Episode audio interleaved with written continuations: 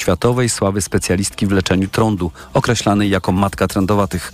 O szczegółach inwestycji Maciej Szefer. W ciągu kilku tygodni miasto ma rozpisać przetarg na wykonanie skweru. Będzie to nowy zielony przystanek dla mieszkańców i turystów idących z pętli tramwajowej do sąsiedniego ogrodu botanicznego, a także skrót w drodze na przystanek, mówi Jan Gosiewski z Zarządu Transportu Miejskiego. Te ścieżki, które tutaj są, można powiedzieć, pewnego rodzaju przedepty, wykorzystywane jako te najkrótsze drogi dojścia, zostaną ucywilizowane Dzięki tym zmianom skróci się droga pasażerów idących na autobus czy tramwaj. Skwer za sprawą ławek, które się tam pojawią, może być też miejscem odpoczynku dla mieszkańców. W przyszłości ma być tu także zorganizowane miejsce pamięci dr Wandy Błeńskiej. Maciej Szefer, TOG FM. W informacjach pozostajemy w Poznaniu. Zalane są tam ścieżki i trasy rowerowe nad rzeką. Wodowskazy na Warcie i okolicach notują w Poznaniu i okolicach no, notują najwyższe stany od kilku lat. Brakuje zaledwie kilku centymetrów, żeby poziom wody osiągnął stan ostrzegawczy, który na wodowskazie w moś, na moście Rocha wynosi 4 metry. W Poznaniu zalana jest część Wartostrady. Trasa rowerowa wzdłuż rzeki na niektórych odcinkach jest zamknięta. Zagrożenia nie ma, ale lokalne podtopienia na terenach zalewowych mogą się zdarzać mówi prezydent Jacek Jaśkowiak, który zapewnia, że sytuacja jest monitorowana. To oczywiście e, budzi niepokój. Na dzisiaj ten stan nie jest e, dramatyczny. W Wielkopolsce stany alarmowe są przekroczone w czterech miejscach. Najtrudniejsza sytuacja jest na rzece Gwdzie w Pile. Duże rzeki są jednak bardziej przewidywalne od tych mniejszych, mówi Grzegorz Walijewski z IMGW. Na głównych rzekach w województwie wielkopolskim obserwujemy spływ wód opadowo-roztopowych. W Poznaniu stan wody w Warcie będzie się podnosił jeszcze przez kilka dni. Stan ostrzegawczy może zostać przekroczony już w sobotę. Maciej Szefer, FM. Kolejne informacje o 15.20, za chwilę prognoza pogody. Pogoda. Do wieczora duże zachmurzenie w całym kraju. Przejaśnienia jedynie na południowym wschodzie. Możliwe są słabe opady deszczu. Do wieczora na termometrach 3 stopnie na Podlasiu, 8 w centrum i na Podkarpaciu, 10 stopni w Małopolsce i najcieplej na Dolnym Śląsku, 14 stopni. Radio TOK FM. Pierwsze radio informacyjne. Światopodgląd. Agnieszka Lichnerowicz, serdecznie zapraszamy Państwa na Światopodgląd, który zaczniemy dziś od rozmowy z Jakubem Wygnańskim. Dzień dobry. Dzień dobry. Jakub Wygnański jest prezesem zarządu Fundacji Stocznia e, i e, jest w Radiu TOK FM. To kolejny odcinek, czy kolejna nasza rozmowa o tym, czy jest szansa, albo jak duża jest szansa, albo na jakich warunkach nowy układ rządzący bardziej otworzy się na e, ludzi, społeczeństwo obywateli w różnych formatach, ale ten format, który jest w centrum chyba tych naszych ostatnich rozmów e, szczególnie, to jest format panelu obywatelskiego.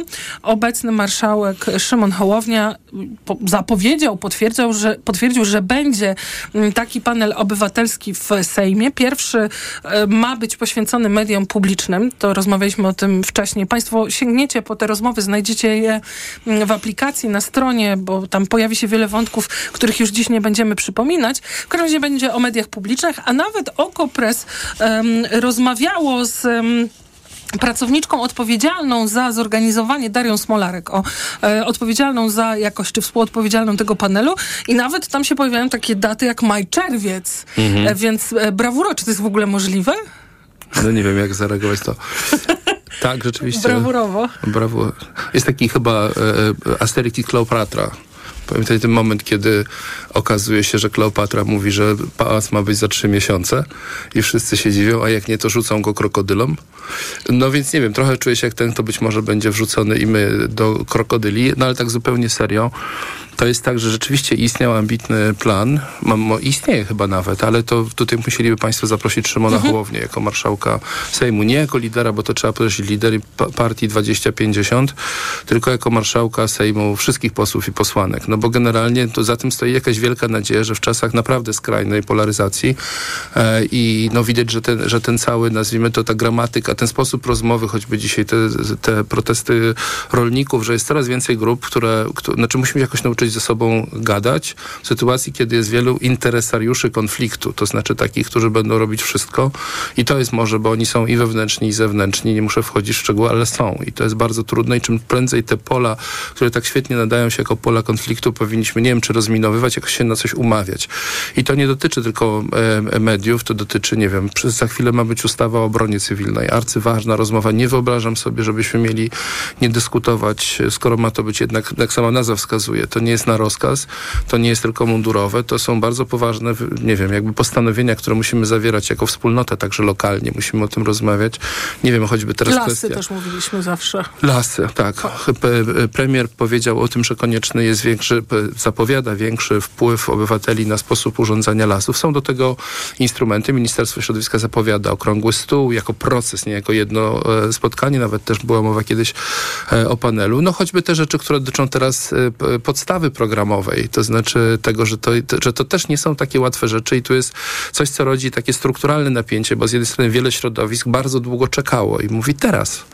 Z drugiej strony są tacy, którzy uważają, no dobrze, ale nie można w takim pośpiechu, bo powinniśmy mieć dość czasu, żeby ro- rozmawiać, zrozumieć, coś postanowić. Więc te dwa wektory biegną w przeciwnych kierunkach, ale jedno jest pewne, musimy szukać nowych narzędzi i nowych pól właśnie nie tyle kon- konfliktu, ile rozmowy. I parlament sam z siebie, ja wiem, bo sam próbuję zrozumieć jako po prostu obywatel, gdzie dokładnie rząd jest, jak mówi, że będzie komi- specjalna, komisja specjalna, że będzie ustawa. Znaczy, rozumiem, że rząd ma inicjatywę, to jest oczywiste, inicjatywę związaną z urządzaniem mediów i teraz jest w trudnej sytuacji, bo to jest sport kontaktowy i tam można ustalać reguły, ale szczerze mówiąc, w trakcie walki jest trudno. Natomiast to No ja tym szczerze bardziej... mówiąc nie, nie ba- bardzo jakoś mnie uderzyło, że odmówiła nowa telewizja publiczna ujawnienia Watchdog e, informacji na temat e, płac e, nowo To też mnie zatrudnionych. dziwi. Tak. To znaczy mi się wydaje, że nawet w tej sytuacji, którą czasem określam jako abordaż, są jakieś reguły, które nie muszą być nigdzie wpisane. Wynikają z pewnego dobrego obyczaju. Wydaje mi się, że to do nich że e, sami należy. wcześniej zrobili Dokładnie. skandal.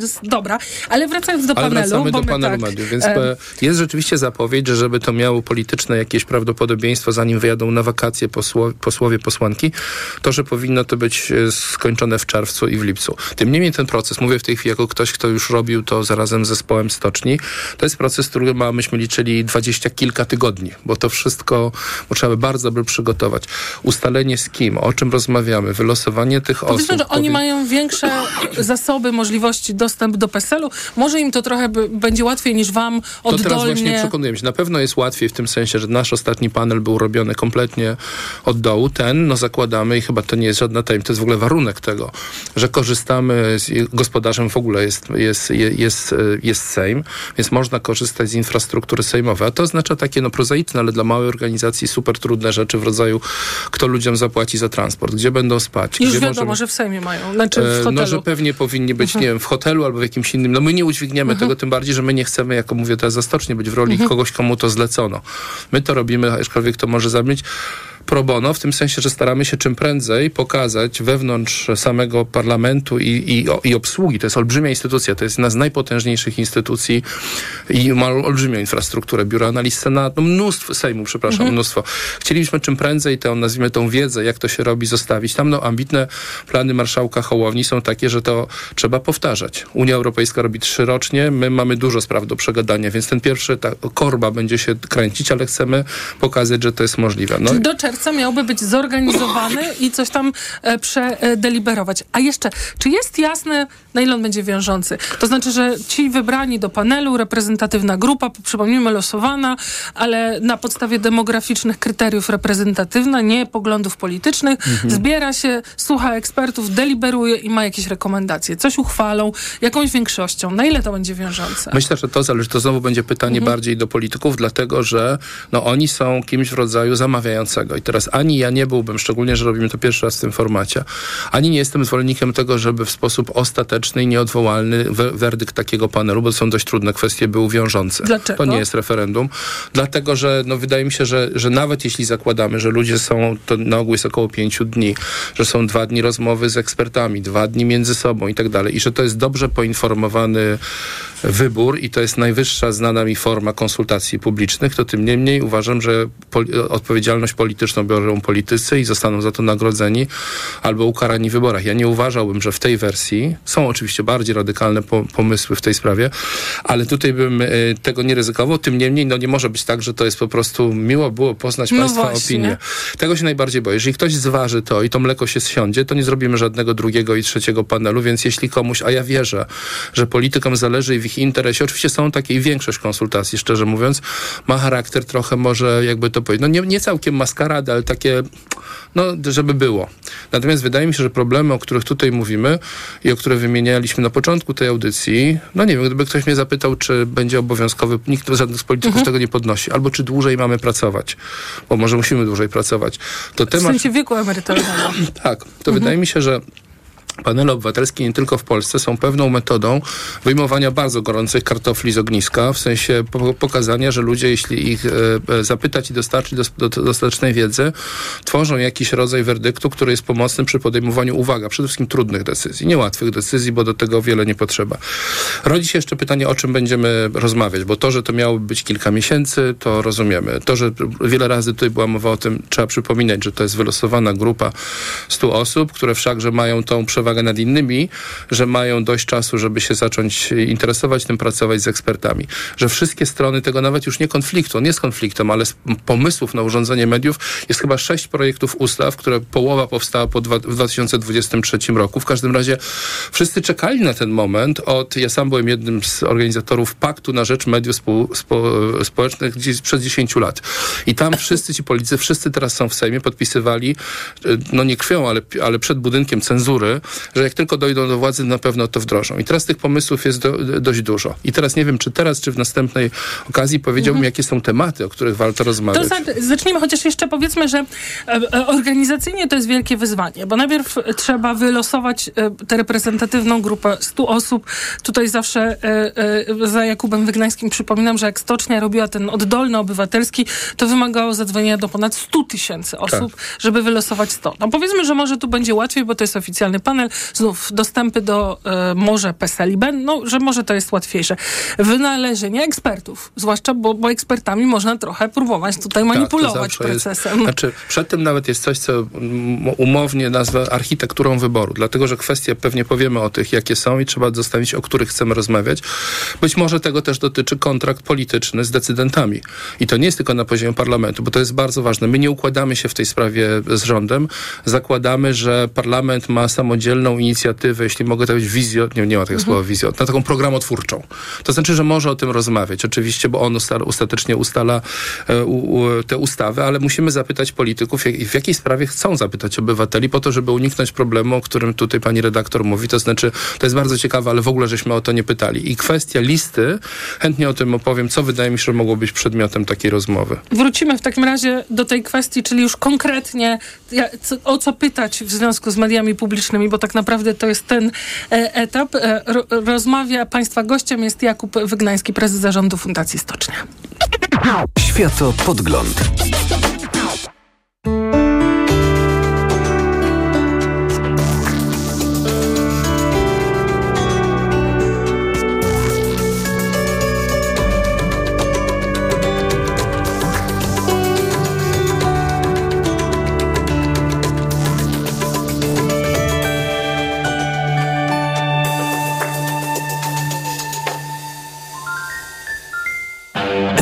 To dla ciebie czarna magia.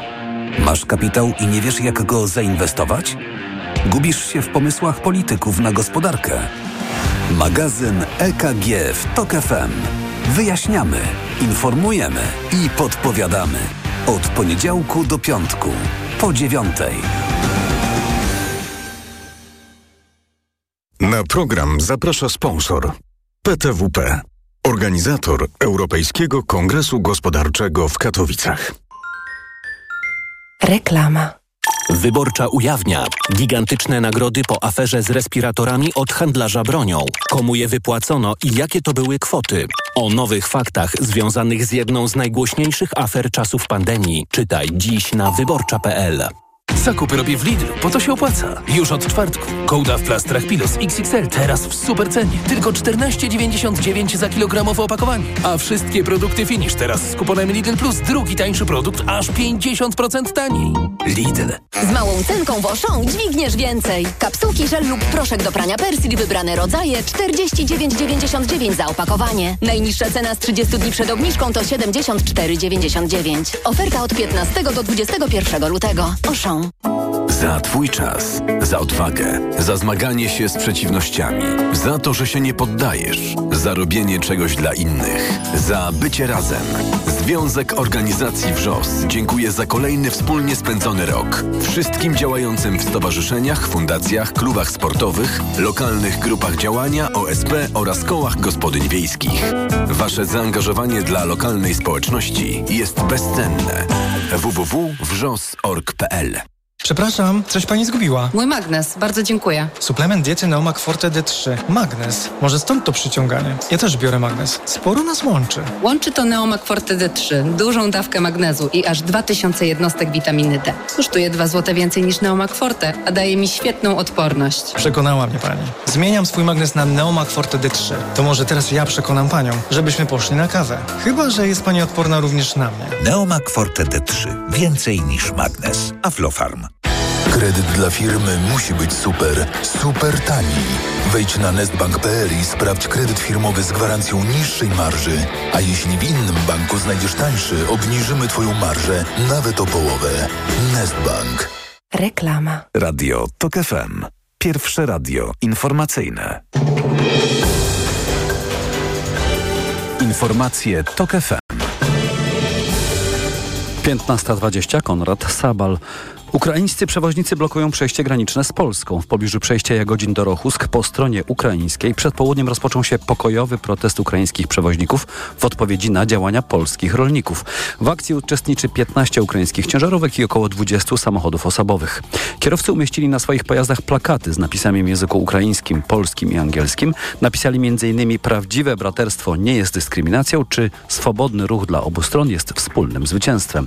Na razie nie wiadomo jak długo potrwa akcja. Wstępnie ukraińscy przewoźnicy planują protestować do 10 marca. Szefowa Sejmowej Komisji Śledczej do spraw Pegasusa Magdalena Sroka z PSL-u chce, by posłowie zajmujący się sprawą nielegalnego wykorzystania przez służby tego izraelskiego systemu szpiegowskiego poznali pełną listę osób, wobec których było ono używane. Chodzi o listę, o której kilka dni temu wspominał Donald Tusk. Reporter TOK FM Wawrzyniec Zakrzewski pytał o listę posłankę Magdalenę Srokę. Pani widziała tą długą listę, o której wspominał premier Donald Tusk. Nie. A czy pani wie, czy taka lista w ogóle istnieje? Odpowiadając jako przewodnicząca komisji, muszę panu powiedzieć bardzo jasno. Ja zwrócę się z wnioskiem dowodowym o przekazanie wszelkich informacji zarówno do koordynatora służb spe- specjalnych, jak i bezpośrednio do Centralnego Biura Antykorupcyjnego.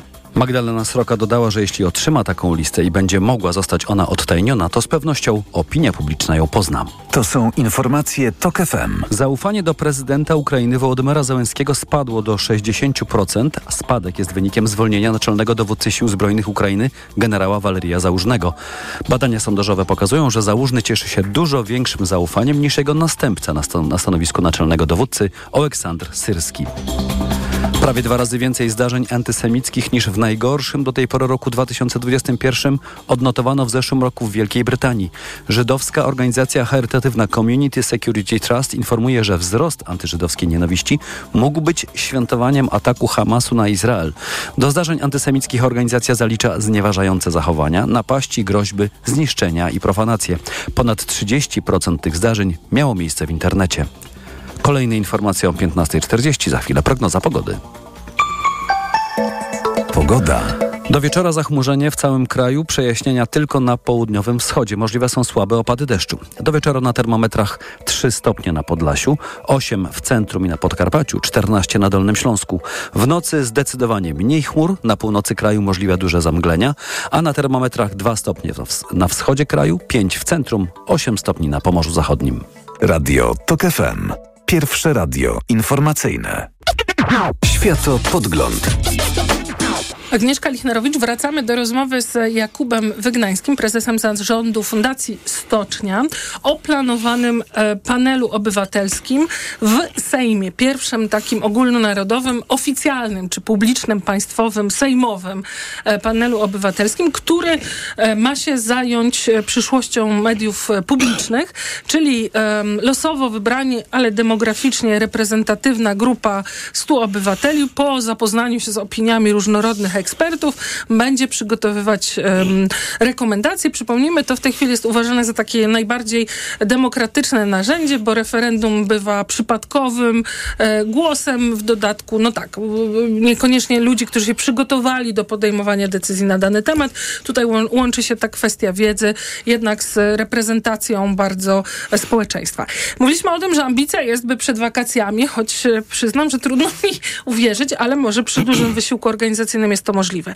No i teraz media publiczne. To jest niesamowite, bo słucham czasem tej debaty już y, trochę z, mm, przestaję słuchać, bo jeszcze jak Jakuba Wygnańskiego słucham, to słyszę, że odnosi się do dylematów współczesności, czyli nie tylko tego, jak odpolitycznić, mhm.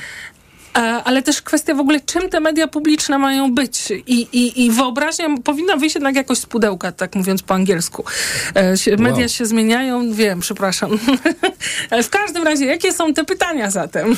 No więc mi się wydaje, że one nawet, wszystko jest przedmiotem. Sam się zacząłem bać tego, że my zastawiamy na siebie pułapkę, że do wakacji to zrobimy, ale traktuję ten, to radio i tą rozgłośnię jako me mechanizm motywacji też innych, bo my jako stocznia jesteśmy do tego gotowi, ale tam jest wielu innych aktorów, którzy musieliby naprawdę naprawdę zmienić, jeśli mogę tak powiedzieć, tempo metabolizmu, żeby to wyszło, ale trzymajmy się na razie tego tak. ambitnego planu. On nie jest niczym zewnętrznym ustalony, chyba tylko poza tym, że chcielibyśmy, żeby to się zdarzało w Polsce dwa razy, dwa razy do roku, więc jak tego nie zrobimy, to, to się po prostu ten zegar zaczyna inaczej yy, yy, tykać.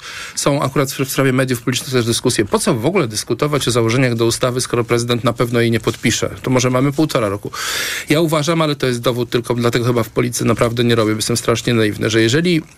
byłby to projekt po prostu rządowy, ustawy, to w tej chwili prezydent jest w trybie ping-pongowym, to znaczy bez czytania ją odbija po prostu, z przysadki po prostu, to nie będzie tak. Natomiast gdybyśmy pokazali, że założenia do tej ustawy mogą być przedmiotem naprawdę serio rozumianego, jakby to powiedzieć, werdyktu opinii publicznej z różnych stron, że Sejm nie potraktuje tego jako, nazwijmy to, nie nawet zabawka, ale wehikuł jednej tylko strony, albo nawet jednej partii typu 2050, tylko że w tak spolaryzowanym świecie obywateli wzywamy nie po to, żeby się zapisali do naszych drużyn i nawalali w naszym imieniu, tylko że oni są źródłem zdrowego rozsądku. I teraz pytanie, o które chcemy tutaj zadać, to to już jest samo pytanie, bo to w jakimś sensie w ogóle takie pierwotne, zerowe pytanie. To jest pytanie o istnienie mediów publicznych. Czy, po, czy są nam potrzebne? Czy są nam potrzebne? No to są ja wiem, wszyscy powiedzą, że tak różnie. Znam sporo ludzi, którzy uważają, że to nie jest tak i ja też, jeśli patrzę na perspektywę polityczną i doświadczoną 8 lat, to wydaje mi się, że jeżeli w tej maszynerii nie zmontujemy odpowiednich bezpieczników, no to powinniśmy ją zatopić jak flotę w Tulonie tak. właśnie. To znaczy, że ona może być użyta jako, i myślę, że wielu polityków tak myśli, o tym, że jeśli to się dostaje w, rę, w ręce kogoś, kto ma złe intencje i chce to upartyjnić, to po prostu rozjeżdża system polityczny, destabilizuje go zamiast tego, co robić powinien i dlatego to z kolei Odwrócone oznacza podstawowy, powiedziałbym, egzystencjalny walor istnienia mediów publicznych. To jest to, że one stabilizują, e, nie wiem czy stabilizują debatę, ale dochodzimy w związku z tym do następnych pytań. Czy media publiczne mogą mieć wyższe wymagania? Jestem w radiu prywatnym, które szanuje oczywiście kwestie faktów i tak dalej, ale czy jest w świecie, w którym podobno już nie istnieje żadna, nazwijmy to, korespondencyjna teoria prawdy, czyli że właściwie jej nie ma, to czy jest jakieś miejsce, do którego możemy mieć przynajmniej prawdopodobieństwo, że ludzie mają tam szczególny rodzaj, e, nazwijmy to, wymogów związanych z tym, żeby to sprawdzać.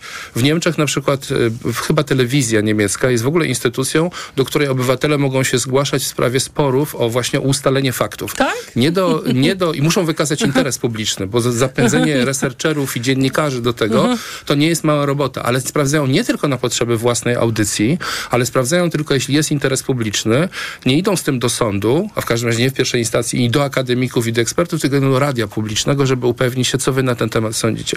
Więc pierwsze pytanie jest, czy one są potrzebne, na jakich warunkach. Drugie, to nie jest wybór, czy istnieją, czy nie istnieją i debata właściwie powinna być o tym, co finansujemy z pieniędzy podatnika, co można określić jako misję publiczną. I tu dochodzimy do nowego rozdroża, dla mnie ważnego.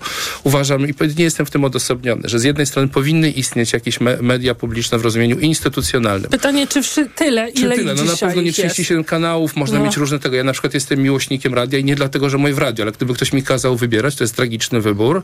Czy miałbym ochronić to, co widać z ekranu, czy to, co słychać z radia, to bym powiedział z punktu widzenia, powiedziałbym, integralności, bezpie bezpieczeństwa intelektualny, to uważam, że radio jest ważniejsze w jakimś sensie. Tak, ale bo, Znaczy- bo, może w, po prostu nie, nie wiem, no, no, to jest kwestia... jest. i- Nie tyle musi kosztować, Mhm, ale coś mhm. trzeba. Więc mi się wydaje, że jest i przestrzeń na pytanie, jak dużo jest mediów publicznych w rozumieniu publiczne, właścicielsko, jak duży jest fundusz misji publicznej. Akurat jako człowiek z NGO-sów, to no, większość tego, co robią NGO-sy, no to jest takie, że ktoś mówi, jest coś bardzo ważnego do zrobienia, może wiecie, jak to się robi. I tutaj nie ma żadnej dyskryminacji dla mediów komercyjnych, bo dużo, no nie ma co ukrywać, przez ostatnie 8 lat znacznie większą, właściwie b- wyzerowana została prawie w dużej mierze, jeśli chodzi o programy informacyjne, to już na pewno pojęcie misji publicznej w mediach publicznych. Znaczy to było skandaliczne po prostu. A część mediów prywatnych, uważam, że radio, w którym pracuję, pełni też I e, też misję tak uważam. I nie dlatego, że No. udało mi się tutaj wprosić tyle razy, ale naprawdę uważam, że bez tego byłoby bardzo, bardzo e, trudno, ale to może dotyczyć też lo, e, Czyli różnego byłby rodzaju... taki fundusz, że można w Tak, postaci jakichś grantów. Jest pytanie, czy on ma obsługiwać wyłącznie media, tak jak je rozumiemy, te, bo to w ogóle nie, jak moje dzieci bym zapytał o telewizję, nigdy w ogóle nie znały czegoś takiego, więc to jest w ogóle nie o tym. Te produkcje mogą być różne. Jest pytanie, czy rozmowa, e, od dawna ja akurat się tym trochę zajmujemy też w stoczni, jaka, jaki jest walor egzystencji lokalnych mediów, także gazetowych. Zbliżamy się do wyborów samorządowych. Dobre pytanie. Dobre czy pytanie, samorząd- czy nie powinny mieć zakazu, zakazu. władze Albo legalne do posiadania mediów. Tak. Nazwę, która mówi, że to jest coś innego.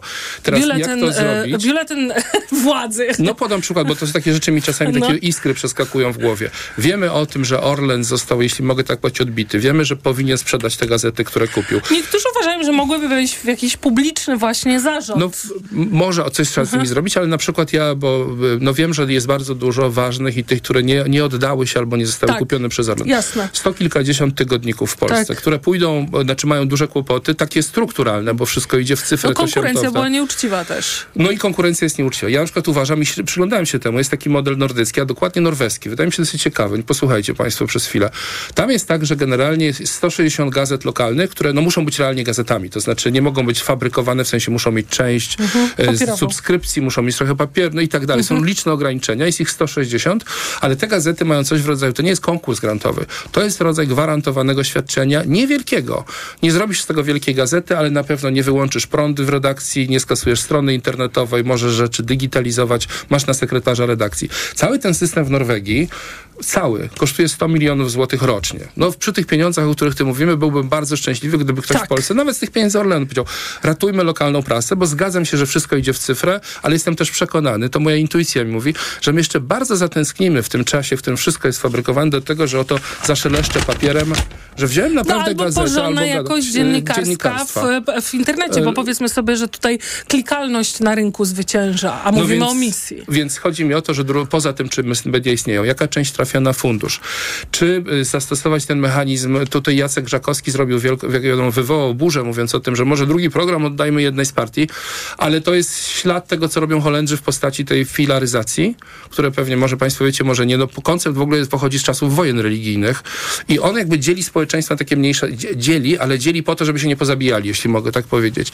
I akurat w holenderskim wydaniu to trzeba by zobaczyć też, on polega na tym, że jeśli jest dostatecznie dużo dowodów, które da się, że jest odpowiednia dużo grupa osób, która chce czegoś słuchać, oglądać i tak dalej, to ma jakoś czasami niszowe zgoła, ale dostęp do kanału, tak żeby nie można było powiedzieć, że istnieje zapis na jakieś środowisko polityczne, niech to nawet będzie A czy to konfederacja. nie powinno być tylko tak wrzucam na poziomie jednak jakiegoś społecznego zarządu, a nie odgórnej decyzji, że... To chodźmy teraz do zarządu, bo teraz to jest najważniejsze pytanie, to jest takie, kto powołuje ten zarząd. I tutaj są bardzo różne, w tych, sześciu projektów są bardzo, bardzo różne rzeczy. Wszyscy się mniej więcej zgadają, że to powinno być bardziej uspołecznione, poddane obywa- ob- obywatelskiej kontroli i to jest ten warunek pierwotny, to znaczy to, to nazywam decyzją o zatopieniu lub niezatopieniu floty. Jeżeli zbudujemy mechanizm, który, bo do tej pory właściwie w Polsce, łącznie ze spółkami Skarbu Państwa, zakładamy, że źródłem politycznego uprawomocnienia, źródłem gwarancji o to, że będzie chodziło o troskę o dobro publiczne, a nie prywatne, jest delegacja polityczna. Ja się z tym głęboko nie zgadzam. Nie daliśmy na to dowodów. Moglibyśmy drugą audycję zrobić o tym, jak będziemy obsadzać spółki Skarbu e, Państwa. Zrobimy. I to trzeba by zrobić. Tak. Natomiast to jest kolejna sytuacja, gdzie mamy y, y, instytucję, która jest ważna z punktu widzenia, nazwijmy to, obrotu politycznego, bezpieczeństwa. Ten pomysł, który, ale to nie chcę mieszać roli kogoś, kto byłby jednym ze współorganizatorów od kogoś, kto ma opinię, ale mam opinię, bo byłem też w Radzie Programowej Telewizji. 10 lat temu, jak pracowaliśmy nad projektem obywatelskim, ja uważałem ten, ten projekt za nieco nadmiarowy, ale po tych latach, które widziałem, tak nie uważam. Otóż wyobraźcie sobie Państwo, chyba nawet rozmawialiśmy o tym, taki rodzaj delegowania, nie do zarządu, ale do czegoś w rodzaju rady powierniczej, czyli ciała, ale takiego ciała, które rzeczywiście ma władzę, bo rada programowa nie miała żadnego, że konstruujemy go trochę na zasadzie, nazwijmy to kurialnej, to znaczy, że są tam bardzo różne środowiska. Dziennikarze, eksperci, przedstawiciele samorządu, może kościoły, może organizacje, może, może, może. Związki zawodowe. Związki zawodowe. W każdym razie ci wszyscy, dla których to jest jakiś, nawet mogą być politycy mniejszościowo, przedstawiciele Skarbu Państwa, wszystko jedno. Ale że ten mechanizm działa na tej oto zasadzie, że w tej puli nazwijmy to, różne te środowiska delegują nadmiarowo. No i wyobraźmy sobie, że mamy tam, nie wiem, 200 czy 300 osób, które uzyskały jakiś mandat ze strony swoich środowisk. I wiadomo, że im przypada nieduża proporcja w tym torsie i ona jest losowana, co zapobiega skutecznie jakiejkolwiek mm. formie politycznej e, korupcji. Nie zmienia zapisów konstytucyjnych o roli, e, k, wiadomo, Krajowej Rady, bo to jest rodzaj uprawnienia, delegowania pewnej części uprawnień na takie środowisko. Na pewno ważne są, bo tu mam długą listę, wiem, że czas się skończy i to już czwartej audycji nikt mnie nie zaprosi, nie, żeby ja o tym jestem porozmawiać. Za, bo ja na przykład nie porozmawiałam o misji. E, no więc Jeżeli właśnie, misja jakie ma mają polegać, misje? Tak. Kto, kto, kto, jakie są zobowiązania, takie servituty klasycznie, no bo telewizja publiczna musi chyba to, ja lubię tym, tym, tymi trójkątami rozmawiać. Arystoteles mówił przyjemne, pożyteczne i dobre. I te wszystkie trzy rzeczy, mogę sobie wybrać telewizję, która maksymalizuje przyjemność, dużo jest takich. Mogę sobie śmiertelnie nudną, ale ważną, która realizuje pożyteczne cele. No i wreszcie są jakieś wyższe kategorie i tak dalej. Więc w tym, w tym trójkącie to się musi jakoś zdarzać. Powinna mieć telewizja chyba zapisy dotyczące, nie wiem, to może być edukacji obywatelskiej, edukacji Ale tutaj ja mam klimatycznej. wrażenie, że jest kwestia wyobraźni. To znaczy, że my ciągle my myślimy, jak media publiczne, to głównie telewizja, a jak telewizja, to pytanie jest, czy format rozmowy z politykiem ma być taki, czy serial ma być turecki, czy brazylijski. A to No może tak. chodzi o, nie wiem, o kulturę lokalną. Domy kultury mogłyby dostać grant i robić dobrze przygotowane absolutnie. materiały na temat lokalnego tańca. No, ale w ogóle całe wymiarowanie. Jeśli media, bo to jest z tym powiązane, jeśli media mają mieć reklamę i czy mają mieć reklamę? O, o, o. Jeśli mają mieć reklamę, no to oczywiście ich e, bożkiem, bożyszczem, no wszystkim, tym cielcem jest oglądalność. Ja się kiedyś zorientowałem jako szef Rady Programowej, że właściwie badania są prowadzone do wieku 49, co mnie wtedy Konsument. jeszcze... Bo on jest tylko Kategoria konsumentem. konsument. Ludzie, jak to jest możliwe? Więc jest pytanie, na przykład BBC ma, i wtedy zresztą rozstałem się z telewizją, to 2014 rok, że są tam panele widzów poszczególnych grup i rodzice dzieci na przykład mówią, czy im się podoba oferta edukacyjna dla dzieci, czy nie. Ale generalnie to ma rodzaj publicznego audytu ze strony konsumentów. Sztuczna inteligencja. Musimy kończyć, czy Tak, nie? No to tylko powiem, że kolejny- brakuje e, takich drobiazgów, jak odpo- także odpowiedzialność e, dziennikarzy, czy to jest specjalny zawód, czy to nie jest specjalny zawód.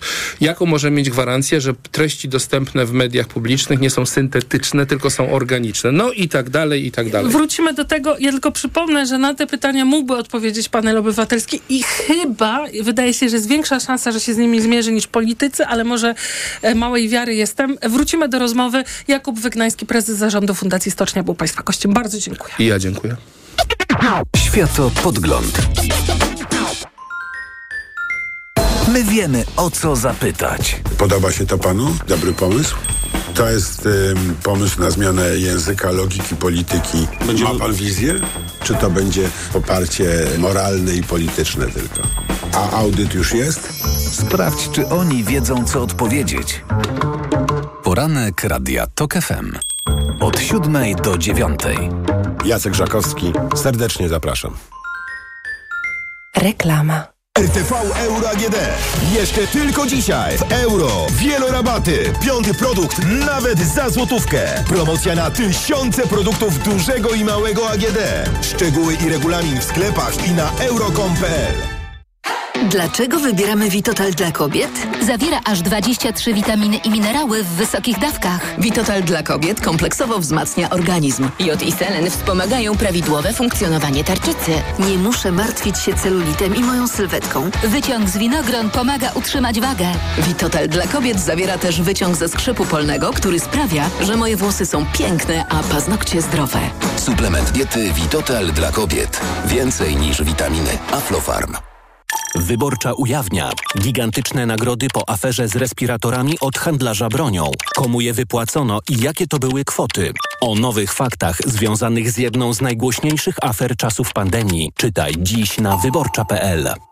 Kochanie, kupiłaś patyczki do uszu? Nie, polecono mi coś innego. Spray do czyszczenia uszu Akustone. Zawiera aż trzy naturalne oleje, dzięki czemu Akustone szybko rozpuszcza i pomaga usunąć zalegającą woskowinę. Słusznie, od razu słyszę poprawę. Akustone to najlepszy sposób na czyszczenie uszu. Akustone. Słuszny wybór. To jest wyrób medyczny.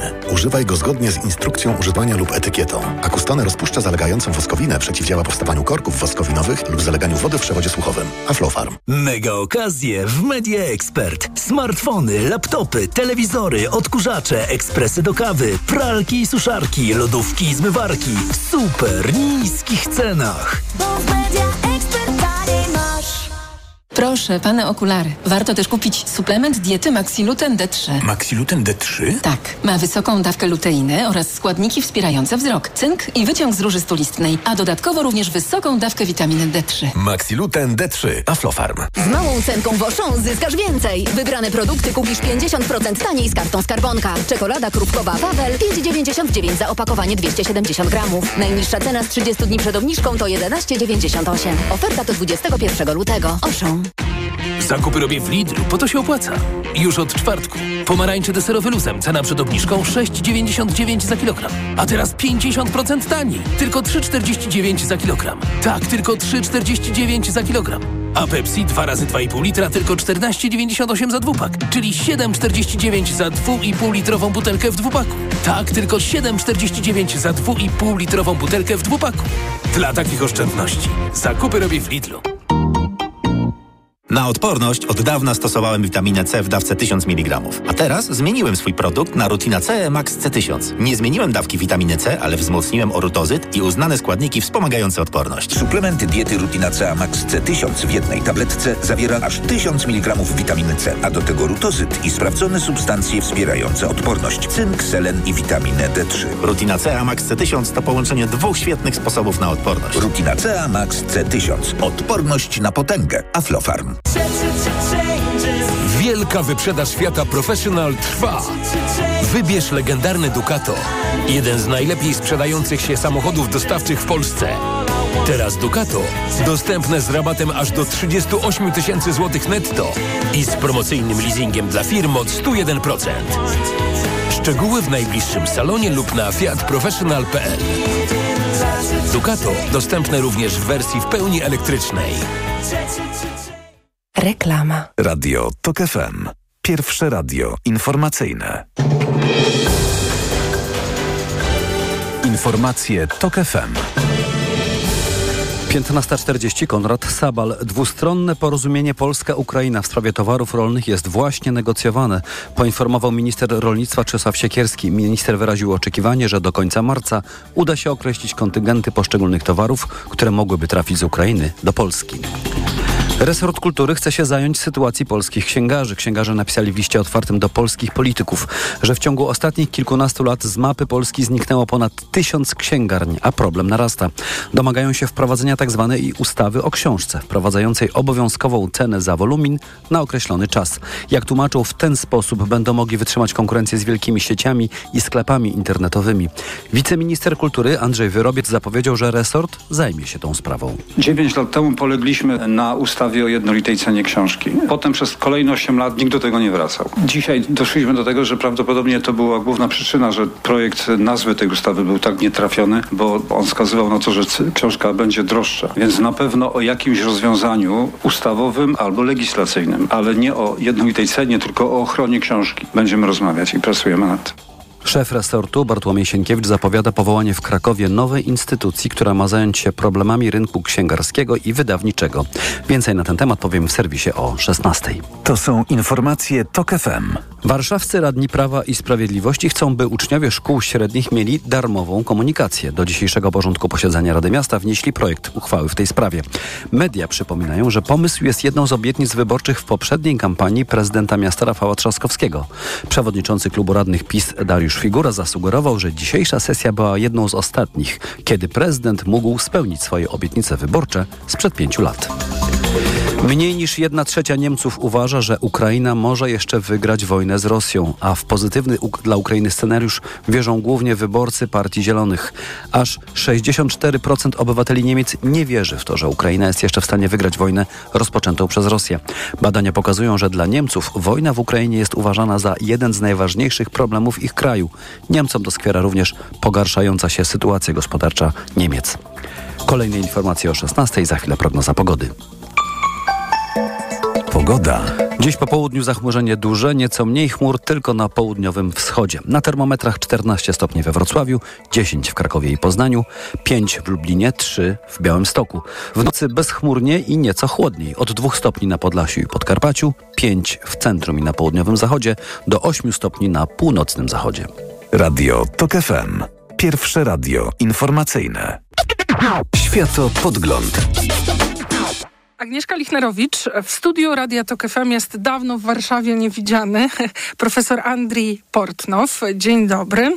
Dzień dobry. Profesor e, historii, historii Ukrainy na Uniwersytecie Europejskim Wiedrina, czyli we Frankfurcie nad Odrą, dyrektor Prisma Ukraina, czyli sieci e, badaczy Europy Wschodniej sieci w Berlinie.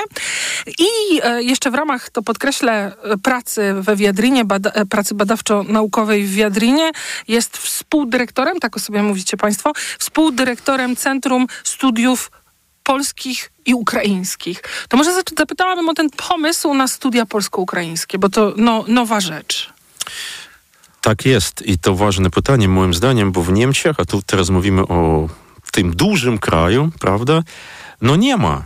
Nie ma ośrodków badawczych zajmujących się właśnie Polską a Ukrainą. I to był nie tylko mój, mój, moich kolegów, koleżanek pomysł, żeby jak najbardziej, bo powiem tak, taki, taki trójkąt w sensie intelektualnym, prawda, poznawczym wybudować. Trójkąt w sensie Polska, Niemcy, Ukraina. Bo znów w kontekście niemieckim zwykle mamy, no właśnie, co zwykle mamy? Mamy coś w stylu Niemcy, Rosja, Niemcy, Polska też może być. Ale na przykład Niemcy, Polska, Ukraina to jest naprawdę coś nowego. I kiedy ja rok temu opublikowałem po niemiecku małą książeczkę właśnie o relacjach polsko-ukraińskich, z podziwem i nawet pewnym no właśnie, no żalem, mm. zrozumiałem, zobaczyłem, że to jest pierwsza pierwsza niemieckojęzyczna publikacja, która stawia te dwa kraje w tytule. To znaczy nie tam Niemcy, Rosja, a właśnie Polska, Ukraina. Nie było ani jednej książki po niemiecku na ten temat. No i to od razu daje do myślenia, że tak naprawdę w takich kategoriach no nie myślimy o Europie, a warto. Ale właśnie, bo te studia, rozumiem, rozwijacie, budujecie, to, to, to, co tam jest jakby kluczowe, na co zwracacie uwagę? Może tak krótko, bo to rzeczywiście bardzo ciekawe. Właśnie z tym komponentem, bo my, Polska, Ukraina, to znamy. Tak, A w tym kontekście tak. niemieckim, czy w tym trójkącie, to jest bardzo ciekawe. No właśnie, to też prawda. Studia polsko-ukraińskie w Polsce, czy w Ukrainie, jakoś się rozwijają i mamy też dużo publikacji. Natomiast ten wątek niemiecki pojawia się rzadko, a jak się pojawia, to tak bardziej, no, tak, w taki sposób upraszczający. Na, na przykład, wielu ludzi w Ukrainie wierzy w to, że dialog historyczny, porozumienie e, polsko-niemieckie to jest po prostu wzorzec dla nas wszystkich w tym, co robimy teraz. Ja mam trochę inne zdanie tak? na, na bardzo ten, ciekawe, bo my też tak tutaj myślimy na tym. ten temat. I e, brak nam trochę tej wiedzy, głębszej wiedzy. Dlatego próbujemy. To jest dopiero początek. To znaczy nasze centrum powstało w końcu listopada, także to jest dopiero początek ubiegłego roku. Chodzi o to, żeby spróbować e, stworzyć e, miejsce e, na Wiadrinie i w całych Niemczech, które będzie takim, no właśnie, ośrodkiem i badawczym, i też ośrodkiem nauczania na uniwersytecie, też nauki języków, to jest też ważny wątek, tak. prawda, bo niestety no, mamy dużo tej ukrainistyki bez znajomości ukraińskiego, co jest moim zdaniem żałosne i nie ma sensu. Otóż to wszystko jak gdyby równolegle jednocześnie z tym, że w Niemczech wszędzie, w polityce, na uniwersytetach nic się nie dzieje błyskawicznie to jest zawsze taki długotrwały, taki postępujący proces. Jesteśmy na samym początku tego procesu. Mam nadzieję, że jak się spotkamy za rok, dwa, trzy, to wtedy będę mógł opowiadać, że mamy nowe kierunki studiów, serie wydawnicze, coś w tym stylu. Ale myślę, że to jest możliwe, prawda? To znaczy, jest możliwe. Wszyscy jest narzekamy możliwe. na to niemieckie tempo, ale potem ono jest konsekwentne stosunkowo. Uniwersytet Wiedrina postanowił stworzyć takie centrum na zawsze powiem tak, niezależnie od tego, co się stanie, no nawet politycznie, militarnie. Wspomniał profesor Portnow o wydanej e, po niemiecku pierwszej e, publikacji o relacjach e, polsko-ukraińskich, a właśnie polska wersja tego, czy polskojęzyczna wersja tej analizy się ukazuje i jest też przyczyną wizyty tutaj w Warszawie profesora Portnowa. Polska i Ukraina, wspólna historia, asymetryczna pamięć. Ja bardzo Państwu polecam. To jest rzecz ogólnodostępna, bezpłatna. Po prostu tak. PDF-a można sobie ściągnąć ze strony internetowej internetowej. Nieduża, to jest kilkadziesiąt stronek, bardzo syntetycznej, ujętej tej historii, zwłaszcza XVIII, XIX i XX, czy teraz XXI wiek. Pisze pan we wstępie, że jest krytycznym polonofilem. Co to znaczy? Nie ukrywam, że tutaj skorzystałem z podpowiedzi mego nauczyciela, przyjaciela, starszego kolegi Romana Szporluka, który jest wybitnym no właśnie, jest wybitnym historykiem, jest wybitnym, krytycznym polonofilem. Otóż e, moim zdaniem to jest osoba, która e, lubi Polskę, a w moim przypadku tego nie da się ukryć, a jednak, to jest ważne, e, próbuje cały czas w sposób krytyczny opisywać różne tematy związane z Polską i nie tylko. To znaczy ta krytyka dotyczy nie Polski, a postawy badawczej to jest ważne, że musimy krytycznie zastanawiać się cały czas nad tym, co i jak i o czym piszemy. A moim zdaniem e, miłość w dobrym sensie do tematu, do kraju, do swojego bohatera, ona musi być. Jak ja na przykład zajmuję się Polską i piszę coś o Polsce, no bez tego rodzaju filii, miłości, moim zdaniem tego się nie da zrobić ja przyznam, że e, nawet trochę odbieram te publikacje jako trochę bardziej ukraińską perspektywę, ale w dobrym znaczeniu tego słowa. Nie chodzi mi o to, że tutaj jakby przeciąganie liny trwa i, i, i która wersja zwycięży, tylko chodzi o e, nasze tutaj polskie przynajmniej e, wejrzenie lepsze w tę perspektywę ukraińską. Może być krytyczne w stosunku do tej perspektywy. Wydaje mi się bardzo ważne i być może będzie dla słuchaczek i słuchaczy ciekawe i jakoś zaskakujące, że z perspektywy ukraińskiej być może jednym z takich najbardziej e, ciekawych czy badawczo inspirujących i spory przede wszystkim inspirujących okresów jest okres I Rzeczypospolitej. Znaczy od e, takiego poczucia e, kolonializmu po jednak poczucie, że dużo dobrego z tym do Ukrainy przyszło. Więc jaka jest dzisiaj wersja, bym powiedziała, głównonurtowa no wśród tak. historyków? No tak, ja bym powiedział, że po pierwsze ten cały temat Rzeczypospolitej obojga narodów to jest temat fascynujący, i on powraca, zresztą ta, taki, taki ma być z historią, on powraca e, w tym sensie, że wydarzenia aktualne pozwalają nam postawić nowe pytanie. No właśnie, a, a, co to wtedy, co to wtedy w ogóle było i co to dało tym narodom? Nie tylko Polakom, Ukraińcom, też Białorusinom. I nawet Rosjanom, bo nie zapominajmy, że jednak mała, mała część współczesnej Rosji też należała przez pewien okres e, czasowy do Rzeczypospolitej. I tutaj powstaje mnóstwo ciekawych rzeczy. Tak jak próbuję w tej książce pokazać, że z jednej strony jest pokusa opisać Rzeczpospolite jako jeszcze jedno, ale takie bardzo specyficzne imperium odmienne od imperium rosyjskiego, ale też imperiów na przykład niemieckich, austriackich czy osmańskich. Prawda, imperium osmańskie cały czas jest obecne w dziejach Ukrainy. O tym też nie Tak. warto zapominać. Tak, my nie A pamiętamy. często zapominamy o tym. Tak, Myślimy, my a to gdzieś często. daleko tam, prawda, na południu. Nie, nie, nie. Kamieniec Podolski to było Imperium Osmańskie. W ogóle to południe w Ukrainie jest bardzo obecne, czego my w Polsce Tak nie jest. mamy. No właśnie. O, to jest, to, to jest ważna, e, słuszna uwaga. No i już. I zresztą też w kontekście Rzeczypospolitej, a później jej mitologii, bo to jest co innego. Jest historia, jest mitologia, ten sam Sienkiewicz i wielu innych. No właśnie, pojawia się co? Pojawiają się moje strony rodzinne. To znaczy Dnipro, e, Kozacy, Sicz Zaporowska, takie oto rzeczy. I to jest właśnie coś, co jak najbardziej możemy opisywać i musimy opisywać jako wspólną historię polsko-ukraińską.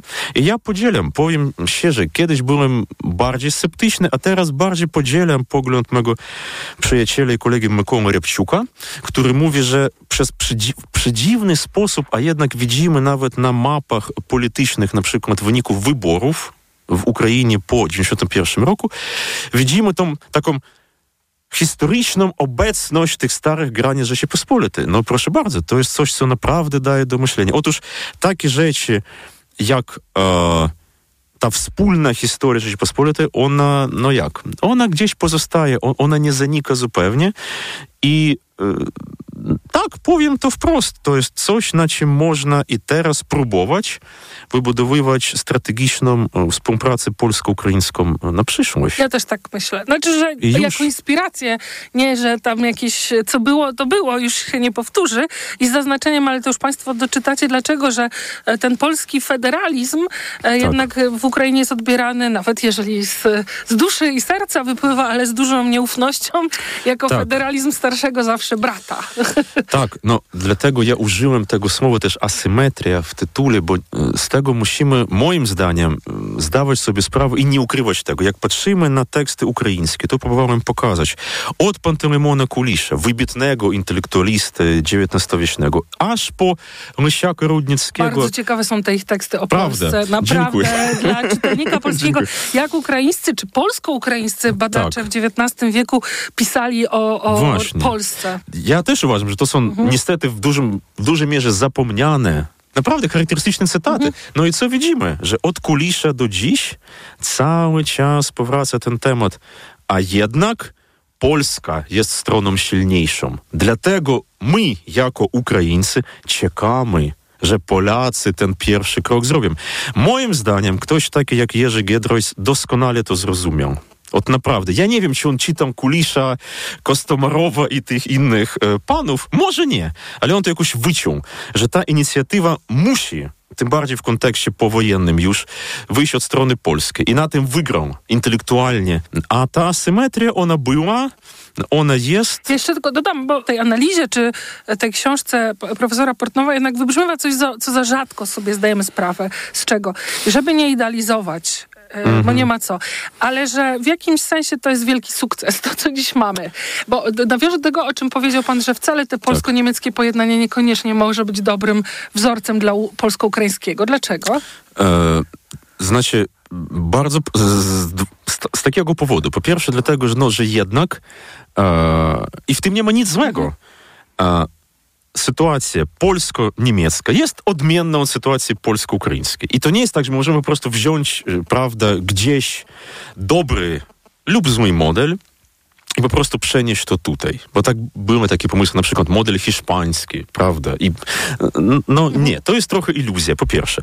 Po drugie, em, uważam, że dla jak gdyby zrozumienia tego, co często uznajemy za sukces, musimy pamiętać o tym, że Niemcy, i, i to bardzo doceniam zresztą, zawsze o tym mówię i myślę, że też w przypadku jak gdyby dyskusji ukraińskiej o tym warto więcej mówić, że to właśnie Niemcy stanowczo wspierali, nawet nie było żadnych takich tak naprawdę dyskusji o tym, że Polska po upadku e, komunizmu, prawda, musi jak najszybciej wstąpić i do Unii Europejskiej, i do NATO.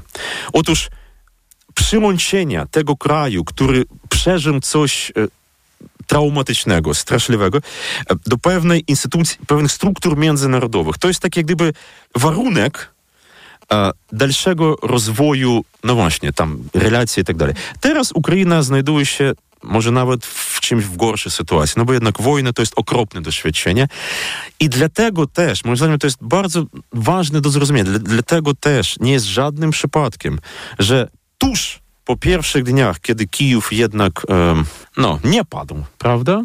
Że społeczeństwo ukraińskie pokazało, że nie, że nie będzie cierpiało tej okupacji rosyjskiej. Prezydent Zeleński natychmiast zwrócił się do Unii Europejskiej z prośbą o przystąpienie Ukrainy. Ta logika Nie i już. no. Natomiast gdzie jest problem? Problem jest taki, że w Niemczech wielu ludzi, tak mi się wydaje, Aha. tutaj mówię trochę tak prowokując, Aha. no ale czemu nie, żeby myślenia, prawda, sprowokować. Wielu ludzi uwierzyło, że problemów z Polską już nie mamy. A, no Wszystko załatwiliśmy. A problemy są. I elementy tego, takiej, prawda, no, takiej optyki nawet kolonialnej, no nie ma co ukrywać, też są. I dlatego jak ja słyszę, że Rozumiem, że. Dialog polsko-niemiecki załatwiony, wszystko dobrze mówię. No, no tak, dużo rzeczy faktycznie załatwione, to prawda, to Starszy prawda. brat pozostaje starszym bratem. Asymetrie pozostają. To rozumiem, to jest e, długa rozmowa, mam nadzieję będzie, a na razie macie Państwo do dyspozycji em, tę książkę, o której rozmawialiśmy, profesora Andrija Portnowa, Polska i Ukraina, wspólna historia, asymetryczna pamięć. Profesor Portnow z Uniwersytetu Europejskiego w Jadrina, gdzie jest współdyrektorem stu, Centrum Studiów Polskich i Ukraińskich, był Państwa gościem. Dziękuję bardzo. Dziękuję. Światopodgląd. Reklama.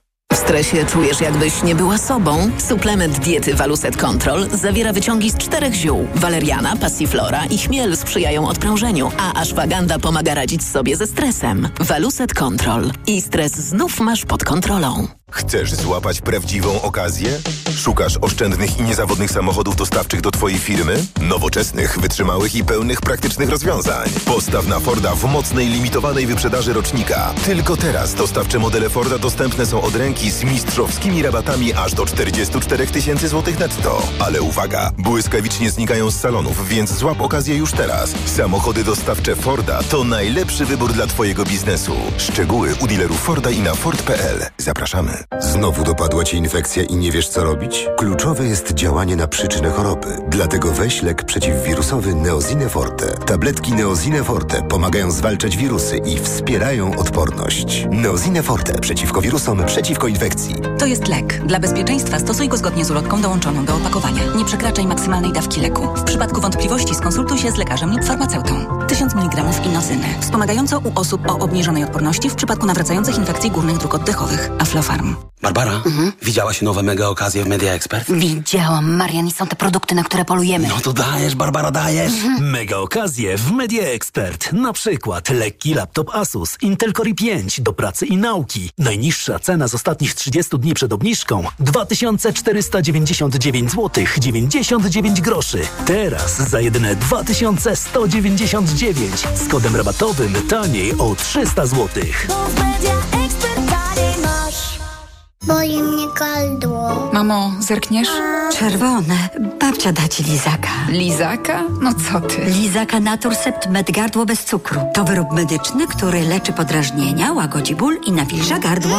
Mmm, pyszne. Jak gardełko? Już nie boli. To jest wyrób medyczny. Używaj go zgodnie z instrukcją używania lub etykietą. Łagodzi podrażnienia, nawilża i odświeża błonę śluzową jamy ustnej i gardła. Aflofarm. Lizaki Naturcept Med. Pysznie smakują, gardło kurują. Reklama. Radio TOK FM.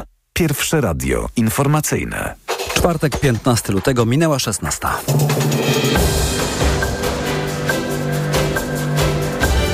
Informacje TOK FM.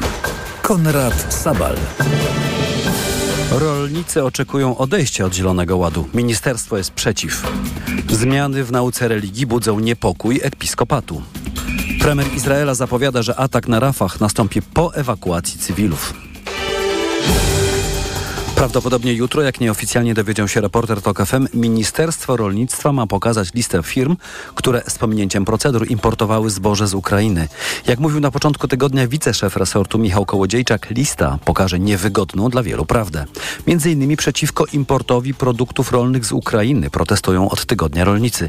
Dziś spotkali się z kierownictwem resortu rolnictwa. Wyniki tych negocjacji zna Szymon Kępka, który jest przed gmachem resortu rolnictwa. Powiedz, czy udało się przekonać rolnicze związki do zakończenia protestów. Rolnicy chcą odejścia od Zielonego Ładu. Resort na odejście się nie zgadza. Jest też apel rolników bardzo wyraźny i pełen emocji, by w rozmowach brał udział premier Donald Tusk. E, wiceminister rolnictwa Michał Kołodziejczak mówił o pokorze i o tym, że trzeba wziąć się do roboty bardziej. Ale to słowa jak na razie przynajmniej puste, bo zapowiedzi realnych działań nie ma. Minister Siekierski mówił jedynie, że negocjacje między Polską a Ukrainą w kontekście rolnictwa mają zakończyć się pod koniec marca. Realna jest natomiast y, groźba rolników, którzy 27 lutego planują masowy protest w Warszawie. Z kolei jutro, jak powiedział mi wiceminister Kołodziejczak, resort przedstawi listę zbożową, ale pytałem też o te sprawy ministra Siekierskiego i on twierdzi, że opinii prawnych, by publikować listę, jeszcze nie ma. Michał Kołodziejczak twierdzi jednak, że lista ujrzy światło dzienne jutro. Szymon Kępka, TOK FM. Dziękujemy bardzo za relację. Premier Donald Tusk chce, żeby unijni liderzy rozmawiali o sytuacji rolników podczas najbliższego szczytu. Odbędzie się on w drugiej połowie marca w Brukseli. Europejscy, w tym polscy rolnicy, muszą mieć pewność, że rozwiązania dla nich będą przyjazne, a nie wymierzone w ich interesy. Mówił Donald Tusk podczas spotkania w Warszawie z Robertą Metsolą, szefową Parlamentu Europejskiego. I mówię tutaj zarówno o eksporcie produktów rolnych i żywnościowych z Ukrainy do Europy, jak i o niektórych y, zapisach y, w Zielonym Ładzie. Protesty podobne do tych w Polsce przetaczają się przez całą Europę. Producenci żywności alarmują, że źródłom ich utrzymania zagrażają rosnące koszty, przede wszystkim energii, transportu i nawozów. Episkopat z niepokojem patrzy na plany resortu edukacji wobec lekcji religii w szkołach. Projekt rozporządzenia, który jest w trakcie konsultacji społecznych, zakłada, że oceny z religii i etyki nie będą wliczały się do średniej. Tę decyzję przedstawiciele Kościoła nazywają dyskryminacją. Jeszcze większy opór episkopatu budzi jednak zapowiedź usunięcia z planów lekcji jednej godziny religii w tygodniu. Krzysztof Chorwat. Zmiana rozporządzenia o liczbie godzin religii wymaga porozumienia z Kościołem, przekonuje ksiądz profesor Piotr Tomasik z Komisji Wychowania Katolickiego Konferencji Episkopatu Polski. Konkordat nie odnosi się do liczby godzin, natomiast konkordat domaga się tego, żeby kwestie lekcji religii były między rządem i episkopatem przedstawione w porozumieniu. Na razie rządowego projektu w tej sprawie i tak nie ma, były tylko zapowiedzi. Wiceministra Katarzyna Lubnauer nie ma jednak wątpliwości, że kwestia nauczania religii w szkołach wymaga, tu cytat, racjonalizacji. To jest elementem zarówno porozumień w ramach koalicji rządzącej, jak i kwestii oczywiście pewnych porozumień z episkopatem. O zmianę może być więc trudno, bo oprócz episkopatu opór może stawiać konserwatywne skrzydło koalicji rządzącej. Krzysztof Chorwat, TOK FM. To są informacje TOK FM. Księgarze apelują do rządu o natychmiastową pomoc i przyjęcie tzw. Tak ustawy o książce. Ich zdaniem tylko to pomoże im uratować swoje biznesy przed konkurencją ze strony wielkich sieci i sklepów internetowych. Jak mówią, nie ma tygodnia, by z mapy Polski nie zniknęła przynajmniej jedna lokalna księgarnia. Cezar Jaszczyk. Z danych Stowarzyszenia Księgarzy Polskich wynika, że w ciągu kilkunastu lat w Polsce zamknięto tysiąc tradycyjnych księgarni w małych i dużych miastach. Wiceprezeska zarządu stowarzyszenia Aldona Mackiewicz twierdzi, że wprowadzenie ustawy jest konieczne. Oznaczałoby to na przykład czasową regulację cen nowych książek we wszystkich punktach sprzedaży. Walka cenowa prowadzi do tego, że mała księgarnia, która nie jest w stanie zaoferować tak dużego rabatu, po prostu przegrywa konkurencję i się likwiduje. Ustawę 9 lat temu próbował wprowadzić ówczesny resort kultury. Wiceminister Andrzej Wyrobiec zapowiedział kolejną próbę. Na pewno o jakimś rozwiązaniu, ale nie o jednolitej cenie, tylko o ochronie książki. Będziemy rozmawiać i pracujemy nad tym. Z kolei minister Bartłomiej Sienkiewicz mówi o powołaniu w Krakowie nowej instytucji, która ma się zająć problemami polskiego rynku czytelniczego. Cezary Jaszczyk, TOK FM. Nawet półtora miliona palestyńskich cywilów może przebywać właśnie w Rafah, na południu strefy gazy. Izrael zapowiada, że miasto stanie się celem kolejnej ofensywy wojskowej. Premier Benjamin Netanyahu zastrzegł, że armia wejdzie do Rafah dopiero po ewakuacji cywilów. Problem w tym, że będzie to bardzo trudne zadanie, mówiła w TOK FM dr Karolina Zielińska z Akademii Finansów i Biznesu Wistula. Czyli to będzie takie samo modus operandi jak w przypadku miasta Gaza czy w przypadku miasta Han Yunis. Oczywiście w przypadku Rafah mamy do czynienia z nawarstwieniem się problemów w tym sensie, że tam już jest właśnie bardzo dużo ludności, która już kilkakrotnie była przemieszczana w związku z konfliktem. Jest tej ludności bardzo dużo. Jest to ludność bardzo zmęczona wojną. Według Izraela Rafah jest ostatnim ważnym przyczółkiem Hamasu w strefie gazy. Przed interwencją, która może nieść ze sobą wiele ofiar, od kilkunastu dni ostrzegają Stany Zjednoczone i międzynarodowe organizacje pomocowe. Kolejne informacje o 16.20, teraz prognoza pogody.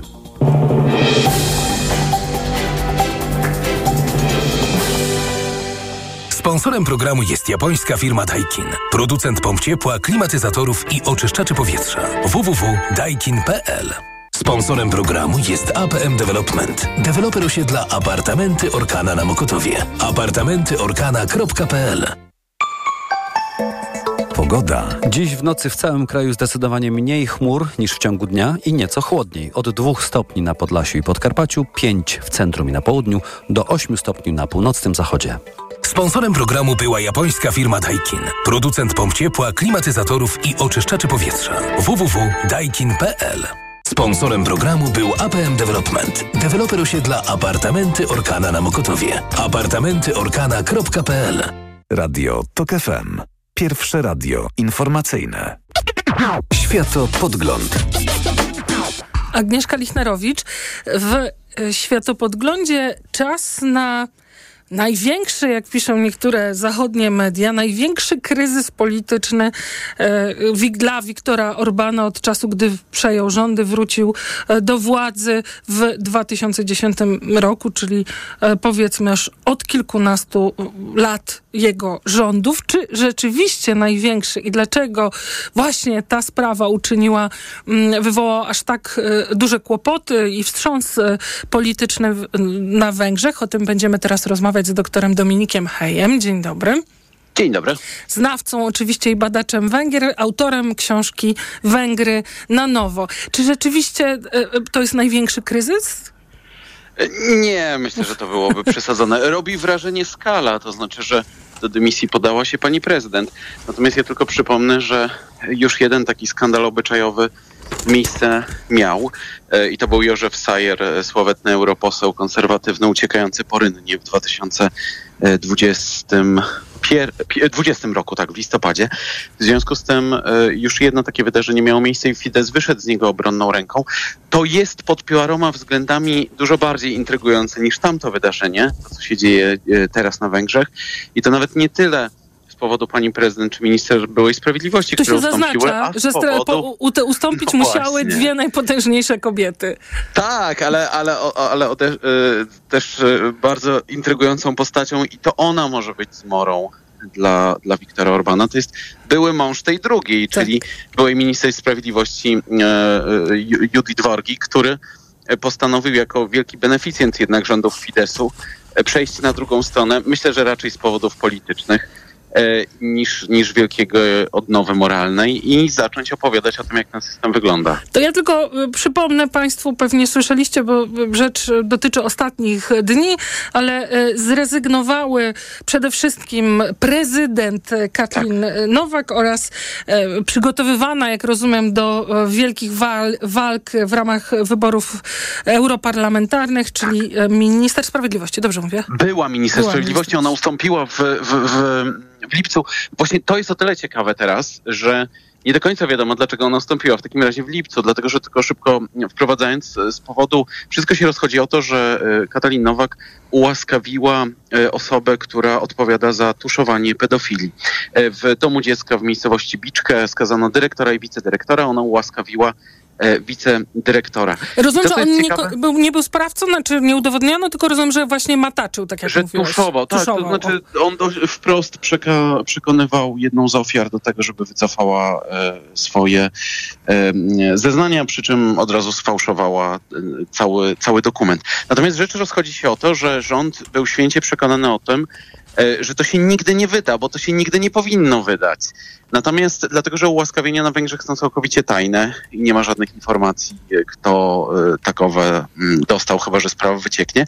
No i 2 lutego opozycyjny e, portal 444HU ujawnił tę informację tylko dlatego, że ta, to ułaskawienie musiało zostać wprowadzone pod obrady e, sądu, który zajmował się tą sprawą w wątku pobocznym. I tak naprawdę, gdyby nie media opozycyjne, to jest 100% pewności, ta sprawa miałaby już dawno że tak powiem, ucięty łeb. Natomiast okazało się, i to jest dla Fidesu szokiem, że pomimo całkowitej ciszy w mediach głównego nurtu, czyli 80% rynku informacyjnych. E, informacja o tym, co się wydarzyło, czyli że do takiego ułaskawienia doszło, a także ogólnego potępienia tej decyzji rozeszła się po Węgrzech. I to jest dla Fidesu rzecz, w którą myślę, że premier też uwierzyć nie może. To co podkreślają te, e, te doniesienia, te media, no czytam w podobnym tonie pisze Tak. BBC, Reuters, no, że to jest ten największy kryzys, to podkreślają, że to, ta, ta afera, ona uderza jakby w serce tożsamości e, e, e, Fidesu, czyli e, e, w tradycyjne opowieści o tradycyjnej rodzinie i ochronie dzieci, ten mm, konserwatywny Tak. zestaw. I że dlatego to jest tak bolesne dla Orbana. Czy się zgodzisz? Ja bym, gdyby to było dla niego bolesne, to myślę, że, że reagowałby na to inaczej. On udaje, to znaczy udaje, on kreuje obraz świata, w którym, w którym y, w ogóle nie ma żadnego problemu. Znaczy on, mówiąc, y, portal 24Hu y, opublikował podcast pod tytułem Dlaczego Viktor Orban wrzucił Katalin Nowak pod autobus. I coś w tym jest, o tyle, że prezydent została całkowicie swojej decyzji osamotniona, to znaczy nikt nie był chętny do tego, żeby wytłumaczyć, co się stało, w tym sam prezydent. Znaczy nikt nie wie do dzisiaj, co ich skłoniło do tego, No żeby, żeby tą osobę ułaskawić. Tam jest jeszcze ciekawa jedna postać, bo to jest wątek, który też się będzie dalej rozwijał. To znaczy były minister e, zasobów ludzkich, obecnie głowa kościoła reformowanego na Węgrzech, e, Zoltan Balok, który miał osobiście e, e, chcieć, żeby, żeby ten człowiek został e, ułaskawiony. Tam się pojawiają wątki, w których Balok przyznał nagrodę dyrektorowi tego Domu Kultury. On teraz sam powiedział, że ponieważ on niczego nie podpisywał, to nie będzie ustępował z, z dystynkcji, które ma w kościele. Wygrał głosowanie wewnętrzne e, w kościele. Nie jestem specjalistą kościoła e, reformowanego, żebym był w stanie powiedzieć, co się odbyło, ale odbyło się głosowanie w sprawie, jak to napisano w węgierskich mediach, e, wotum zaufania dla niego. Natomiast druga najważniejsza osoba w kościele reformowanym na Węgrzech podnosi kwestię, zgodnie z którą nie może być wątpliwości moralnych wobec przywódcy kościoła, w związku z tym on powinien ustąpić. A to jest postać, która i z Katalin Nowak związana była od zawsze, bo Nowak zaczynała e, poważniejszą karierę polityczną jako szefowa jego biura gabinetu politycznego. No i też osoba, która w bardzo bliskim kręgu Wiktora Orbana była aż do 2018 roku. No właśnie, bo chciałam zapytać, co, co, co jest sednem za tym? To znaczy, e, czy właśnie jest obawa, znaczy, albo nadzieja wśród opozycji, że zaczną wychodzić takie postaci, tam się pojawia jeszcze ten pan od Tak. mediów, ten główny propagandysta. Antal Rogan. O. Tak. To jest człowiek, któremu podlegają służby specjalne, a nazywany jest ministrem propagandy. E, Ja powiem w ten sposób, bo mm, e, e, jakby były mąż, bo to jest pomieszane absolutnie, ale to jest teraz jak telenowela. Były mąż minister sprawiedliwości powiedział, że, mm, że Antal Rogan e, na przykład manipuluje e, wynikami badań wyborczych. Żeby jakby przejść do tego, dlaczego Reuter i inni krzyczą, że to jest takie ważne, to znaczy ja wielokrotnie przeszedłem okrzyki, że coś jest bardzo Tak, ważne. ja wiem. Opozycja wygra, więc powiedzmy, że mój chłód y, jest porównywalny z tym nadciągającym z nad Syberii, ale żeby tylko spróbować to szybko pokazać. To, co jest zaskakujące, a czego nie było, to jest to, jaka jest skala zainteresowania medialnego. Tu nie chodzi o protesty, dlatego że one nie doprowadziły wbrew niektórym komunikatom do tego, że się sprawa rozeszła y, po całych Węgrzech. Y, Tych protest zdążył być jeden, zanim pani prezydent ustąpiła. Po drugie, opozycja nie ma szans do przejęcia władzy, nie tylko dlatego, że jest do tego niezdolna od strony ordynacji wyborczej. Nawet gdyby dzisiaj zorganizować wybory, to ona i tak nie wygra, ale też od strony, że ona jest wewnętrznie teraz skłócona, więc tam nawet nie ma lidera. W związku z tym jutro na przykład protest o 18 organizują jeszcze inni ludzie. Znaczy opozycja chciałaby się pod to podczepić, bo Momentum, e, czyli druga największa partia opozycyjna, apeluje o to, żeby, żeby taką jedność e, doprowadzić wręcz do tego, żeby Viktor Orban e, ustąpił. No i wczoraj jedno z mediów faktycznie powiadomiło o tym, że to Orban miał osobiście podjąć decyzję o tym uniewinnieniu, jedna, ułaskawieniu, Mhm. przepraszam o tym. Natomiast on ma dwa wydarzenia będą ciekawe w ciągu najbliższych 48 8 godzin. To znaczy jutro rano powinien udzielić wywiadu e, państwowemu radiu Koszut, w, w, czyli jakby radiowej jedynce, gdzie pewnie coś o tym mm, powie. Natomiast drugie ważniejsze jest w sobotę, to znaczy Orędzie. to jest jego orędzie o stanie świata, e, o stanie świata, że tak to określę, w którym on pewnie zarysuje e, zjednoczony obóz, w którym nie ma miejsca na, na odchylenia w niewłaściwą stronę. Natomiast finalnie Katalin Nowak nie jest osobą, która o czymkolwiek zdecydowała, e, dlatego że nawet rozmawialiśmy, kiedy ona obejmowała urząd e, te, te dwa lata temu niecałe, że ona jest, będzie osobą całkowicie sterowalną, podległą premierowi, a dowodem tego jest choćby to, że już nie ma kancelarii prezydenta, tylko jest Pałac Szandora, to tak jakby był Pałac Namiestnikowskich jako, jako centrum dowodzenia państwem. To y, zmieniając i nie zmieniając wątku, ale dzisiaj y, spadły dane dotyczące gospodarki w ubiegłym roku tak. recesja I, i, i na ile to spowoduje zwiększenie determinacji Węgier, by dogadać się z Komisją Europejską w najbliższym czasie? Myślę, że w żaden sposób, bo ubiegły rok skończył się jeszcze gorzej. E, jest jasny przekaz, to znaczy pomimo sankcji wprowadzonych na Rosję, które uderzają w Europę, dlatego Węgry teraz blokują 13 pakiet, tylko na marginesie warto wskazać, a także jakby ogólnej sytuacji wojennej węgierska gospodarka i tak wyszła w miarę dobrze. No i to jest ten przekaz, który jest adresowany. Natomiast, e, bo jakby zahaczasz o, o, o gospodarkę, to właśnie ta kwestia, która byłaby dla dla Wiktora Orbana niebezpieczna pod względem wyciekania różnych informacji, to jest to, na jakim poziomie życia funkcjonują ludzie w zapleczu Wiktora Orbana. On uderzył teraz wzięcia którym napisał mu, że on ma na kontach tylko na siebie przepisanych tak. odpowiednich miliarda 100 milionów złotych, bo to jest mniej więcej taki przelicznik. I pyta go, masz 37 lat. Drogi e, Istwanie, dokładnie. Sukces. Jesteś tak, takim utalentowanym człowiekiem w wieku tak, 37 dokładnie. lat. Skąd to wszystko masz? Masz, masz e, e, jesteś właścicielem biurowców, których jeszcze nie ma, ale już wynająłeś powierzchnię spółką Skarbu Państwa. Jest dużo takich wątków, to znaczy to są rzeczy, które mogą ewentualnie zdenerwować Węgrów, ale nie z powodów politycznych, tylko z powodu tego, że poziom życia na Węgrzech spadł. Inflacja dzisiaj jest faktycznie niska, ale, ale rok temu ona wynosiła ponad 25%. W związku z tym jakby ten próg wyjścia jest zupełnie inny. No i to zubożenie jest odczuwalne. Co więcej, teraz przyznawane są duże podwyżki, ale one i tak nie rekompensują e, tej e, e, całościowej inflacji z ubiegłego roku, która wyniosła 18%. W związku z tym to mogłoby zezłościć Węgrów, no bo jednak to odczucie oderwania elit, o których my wiemy, tylko od 14 lat nie wiemy, jak wygląda ten poziom. No jeśli Modior będzie sypał dalej, no to to, to, to być może byłoby to bardziej interesujące, ale też nie chce mi się wierzyć, żeby państwo węgierskie mu na to pozwoliło. No zobaczymy, za 48 godzin może będzie więcej e, e, widać i słychać. Bardzo Ci dziękuję za rozmowę i te wszystkie wyjaśnienia. E, słuchali Państwo doktora Dominika Heja, autora książki, z której dowiecie się naturalnie Państwo dużo więcej o współczesnych i historycznych Węgrzech, czyli Węgry na nowo, ale już czas na informacje. Światopodgląd. Reklama.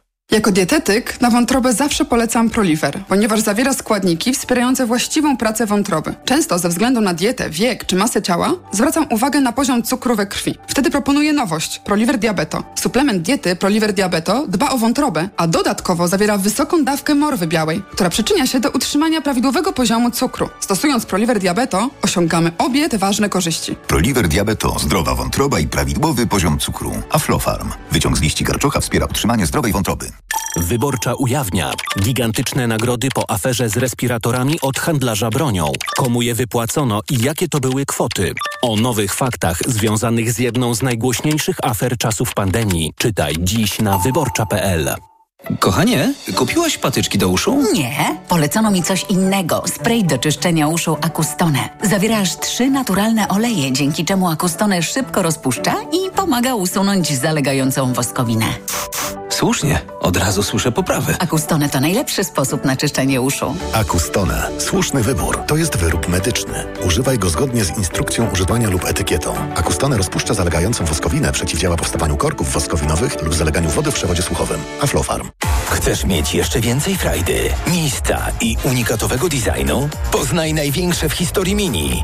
Mini Countryman możesz mieć już od 1490 zł netto miesięcznie przy 15% wpłacie własnej. W cenie m.in. automatyczna skrzynia biegów, reflektory LED, nawigacja i asystent parkowania z kamerą. Wejdź na mini.com.pl, skonfiguruj i zamów swoje Mini lub odwiedź najbliższy salon.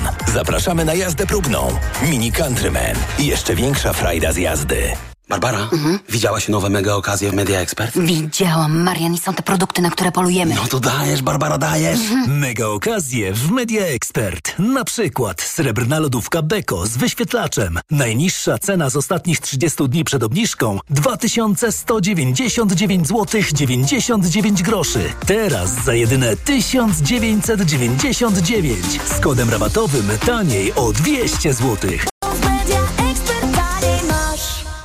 Potrzebuję czegoś dobrego na zatoki. Proszę, Renopuren Zatoki Hot. Zawiera składniki wpływające na zdrowie górnych dróg oddechowych, w tym zatok. Tymianek. I wspierające odporność. Czarny bez, witamina C i cynk. Suplement diety Renopuren. Teraz również bez cukru. Aflofarm. Reklama. Radio TOK FM. Pierwsze radio informacyjne. Informacje TOK FM. 16.21 Konrad Sabal. W Bydgoszczy powstaje Centrum Edukacji, Analiz i Szkolenia NATO-Ukraina. O planach powstania ośrodka poinformował w kwaterze głównej NATO szef MONU Władysław Kośniak-Kamysz.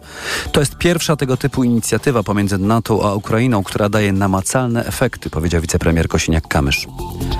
Race i petardy odpalali rolnicy w czasie dzisiejszego protestu we Wrocławiu. W budynki urzędu wrzucali jajkami i pomidorami, palili siano i opony.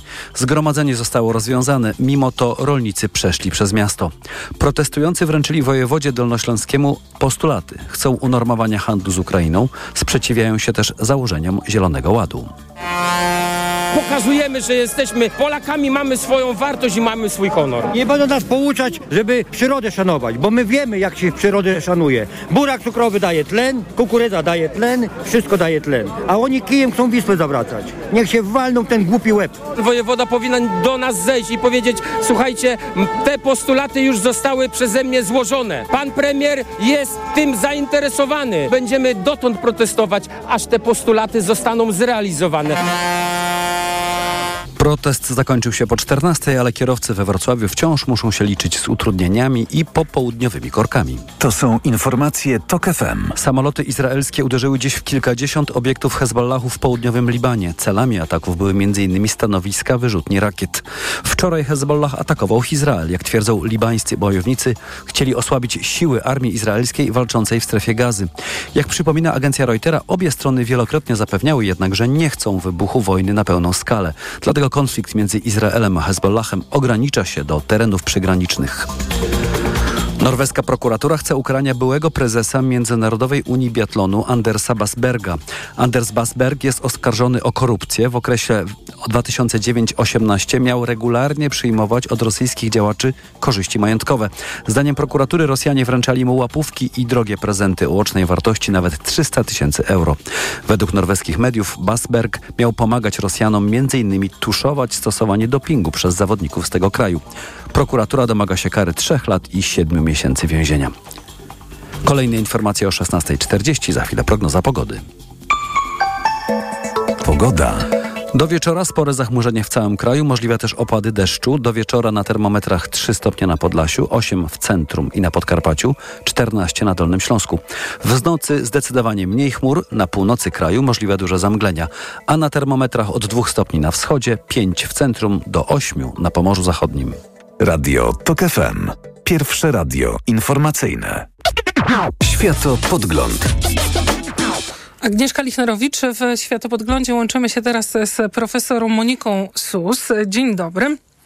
Dzień dobry. Profesor e, Sus jest e, badaczką związaną z Instytutem Studiów Politycznych w Polskiej Akademii Nauk i Hertie School w Berlinie. Dziś e, i jutro będzie jeszcze więcej, więcej niż na co dzień o bezpieczeństwie ze względu z jednej strony naruszającą konferencję bezpieczeństwa doroczną w Monachium, a z drugiej strony ze względu na spotkanie, szczyt, spotkanie powiedzmy przedstawicieli państw NATO. I może zacznijmy jeszcze od kwestii finansowych. Donald mhm. Trump znowu zwrócił na to naszą uwagę, ale jak powiedział Jens Stoltenberg, Unia Europejska nie jest w stanie bronić Europy. 80% wydatków obronnych NATO pochodzi od sojuszników z NATO nie należących do Unii Europejskiej. 80% wydatków NATO jest poza Unią Europejską Europejską, więc jak rozumiem głównie Stany Zjednoczone, no może... E, e, no i Turcja. Turcja, Kanada, tak. Norwegia. Ale z drugiej strony podkreśla się, że już połowa e, państw NATO dosiągnie, wyda, będzie w tym roku wydawać te 2%, w tym Francja i Niemcy, jak rozumiem, a w, w roku 14, czyli 10 lat temu, to były zaledwie trzy kraje. Więc jak to tak. jest z tym finansowaniem? Czy jak to pani profesor by podsumowała? To znaczy, czy można uznać, że um, NATO powoli zaczyna się orientować, że trzeba niestety wydawać pieniądze na bezpieczeństwo? Czy jednak po 10 latach to jest wciąż Donald Trump paradoksalnie, ale ma rację, że się tak e, tutaj piekli? Hmm. No, tak, Donaldzie Trumpie to może za chwileczkę, Dobra. dobrze, bo to jest trochę dłuższy wątek, ale najpierw, e, jeżeli pozwoli pani redaktor, parę słów o, o finansach. Zdecydowanie wojna na Ukrainie, ta pełnoskalowa e, wojna na Ukrainie, która się rozpoczęła dwa lata temu, o tym też warto przypominać, prawda, że mówimy już o dwóch latach pełnoskalowej wojny. I dziesięciu latach sprawiła... wojny w ogóle. Dokładnie, i dziesięciu latach wojny, a wcześniej mieliśmy jeszcze, prawda, różne um, działania rosyjskie, na przykład w Gruzji, ale zmierzam do tego, że na pewno uh, ta, ta konkretna agresja rosyjska na Ukrainę zmieniła w pewnym sensie podejście państw członkowskich Unii Europejskiej i tego europejskiego filaru NATO, bo o tym tutaj mówimy. I na pewno te państwa, i to widzimy tutaj, jakby z tym nie, nie, nie mamy jak dyskutować, zaczęły wydawać więcej na obronę. Ale oczywiście dalej e, nie możemy powiedzieć, że wydajemy na obronę wystarczająco dużo, jeżeli chodzi o Europę, bo podział tego, jak kraje Unii Europejskiej, czy też właśnie europejskiego filaru NATO wydają te pieniądze, dalej jest w pewnym sensie e, oddający jakby poczucie zagrożenia, czyli kraje na wschodniej flance, w tak zwanej wschodniej i północnej flance NATO, czyli kraje nadbałtyckie, ale także Szwecja w coraz większym, e, w coraz większym stopniu i oczywiście kraje wschodniej flanki, czyli nasz region, wydają znacznie więcej niż kraje takie jak na przykład Francja, e, czy nie wiem, Portugalia, Hiszpania, czy nawet Niemcy, które tak czekamy, aż Niemcy zaczną wydawać 2% na obronę. W tym roku, tak jak pani redaktor wspomniała, to ma faktycznie się udać, no ale poczekajmy, aż faktycznie to też będzie w pewnym sensie długotrwała polityka. Natomiast e, jakby to, to, że wydajemy więcej pieniędzy, to jest prawda. Natomiast na pewno to, co Trump podnosi, to też nie jest jakby nic nowego, bo to już i Obama, e, oczywiście innym językiem niż Trump, mhm. do tego języka możemy zaraz przejść, ale nie jest to tajemnica, że Stany Zjednoczone od lat, od dekady mniej więcej domagały się zwiększenia wydatków na obronę od, od, od swoich sojuszników europejskich, a tego sojusznicy europejscy przez bardzo wiele lat nie robili. To przejdźmy do Trumpa, bo e, ta tak. jego wypowiedź, która rzeczywiście, no trzeba powiedzieć, wprost podważa e, fundament NATO, czyli e, tę solidarność, bo on mówi, że jak zaatakuje Rosja Portugalię, jak rozumiem, to nie tak, ruszymy tak. Portugalii na ratunek, bo tak jak pani mówiła, te państwa bliżej Rosji generalnie już się zbroją. Ale jednocześnie pojawiają się w ostatnich dniach jakieś takie różne sugestie z jego strony, jego ludzi, że on rzeczywiście jakoś poważnie myśli o tym, że NATO ma być dwupoziomowe. Tych, którzy płacą i tych, którzy nie płacą. No tak, tylko tutaj też przestrzegałam jeszcze może, może jedną sprawę warto powiedzieć. Pamiętajmy, że to jest Trump, który mówi jako kandydat. Ja absolutnie teraz nie mówię, że jak on zostanie prezydentem, to zupełnie zmieni swoje podejście, bo tak nie będzie. Ale też pamiętajmy, że kampania wyborcza, która trwa obecnie w Stanach Zjednoczonych, też jakby rządzi się swoimi prawami. I tutaj jakby też chciałabym wziąć głęboki oddech, ponieważ oczywiście te wypowiedzi Trumpa są bardzo niepokojące e, i oczywiście one są, jeżeli pozwoli mi pani redaktor na takie bardzo E, że tak powiem, dosadne słowa, one są absurdalne, bo nie tak funkcjonują sojusze. Więc nie ma czegoś takiego jak sojusze wielopoziomowe. To nie może być tak, że nie wiem, jak Rosja zaatakuje Polskę, to Stany Zjednoczone pomogą, a jak zaatakuje Niemcy, no to nie. No, no nie ma czegoś takiego. Jak sojusz opiera się na wzajemnych gwarancjach bezpieczeństwa, które muszą być niepodważalne. Więc to, co Trump mówi, jest tak naprawdę bardzo niebezpieczne e, pod kątem jakby tego, jak postrzega Rosja e, stabilność sojuszu. I tutaj postrzegałabym jakby największe zagrożenie. Natomiast jeżeli chodzi o to, jaką politykę potencjalnie on by faktycznie wprowadzał w życie, jeżeli oczywiście wygra wybory prezydenckie w Stanach, to tutaj zachęcałabym być może do trochę większej wstrzemięźliwości, na razie jeszcze z farowaniem wyroków. Ale na pewno te jego słowa bardzo, bardzo w złym świetle stawiają wiarygodność na to jako sojusza obronnego. Tak, bo to o ile wcześniej Putin e, mógł mieć większą pewność, to teraz już nie wie, jak to będzie e, z tym NATO. Ale powiedzmy, że to może jeszcze e, rozmawialiśmy o tym w ubiegłym tygodniu. Ja już o to pytałam, ale wtedy może mm, zabrakło czasu, by to rozwinąć. Ale czy jest plan B, co zrobi Europa, jak kongres ostatecznie nie uchwali tych pieniędzy dla Ukrainy? Ja takiego planu, bez szczerze mówiąc, nie widzę, również z tego względu, że mówimy tutaj o bardzo krótkotrwałym okresie, prawda? W sensie takim, że jeżeli faktycznie kongres nie uchwali finalnie tej decyzji e, dostarczającej pomoc na Ukrainę, to to nie jest tak, że Unia Europejska czy kraje natowskie tutaj naszej części świata będą mogły bardzo szybko zwiększyć swoją pomoc dla Ukrainy, więc e, uważam, że na, na krótką metę, że tak powiem, faktycznie Europa spekuluje cały czas e, na to, że, że Stany Zjednoczone tą pomoc dostarczą e, i myślę, że Biden i, i również de, demokraci, ale także część republikanów, która chce pomagać Ukrainie i tam są wewnętrzne uwarunkowania, które e, do tej pory tą pomoc też wstrzymywały. Myślę, że także oni zrobią wszystko, żeby ta pomoc, e, żeby ta transza pomocy przeszła, ale też warto byłoby podejść do tego jako Europa trochę bardziej strategicznie. No Czyli właśnie. to, to jakby nie chodzi tylko o wydawanie pieniędzy, to jest też coś, co bardzo wielu ekspertów mówi tak naprawdę od wielu lat, od kiedy powstały te, te takie enigmatyczne wtedy jeszcze wówczas 2% e, budżetu wydawane na obronę. Nie jest istotnym tylko ile wydajemy. Oczywiście to jest bardzo istotne, ale istotne jest też to, jak wydajemy, a w kontekście dziejącej się wojny na Ukrainie nawet chyba jeszcze bardziej istotna jest pewna długofalowa strategia, której Europa i filar europejski NATO na pewno nie ma na, na, na, na wypadek tego, gdyby Stany Zjednoczone faktycznie wycofały się z pomocy Europie, jeżeli chodzi o bezpieczeństwo. A nie ma, dlatego że jest obawa Polski, że właśnie tutaj e, Europa postanowi, no, że u nas jest często takie przekonanie, że jak postawimy na wzmocnienie Europy, to będzie to kosztem sojuszu ze Stanami, czy dlatego się o tym nie rozmawia, żeby Amerykanie jednak czuli presję, że nie mogą stąd wyjść, bo planu B nie ma?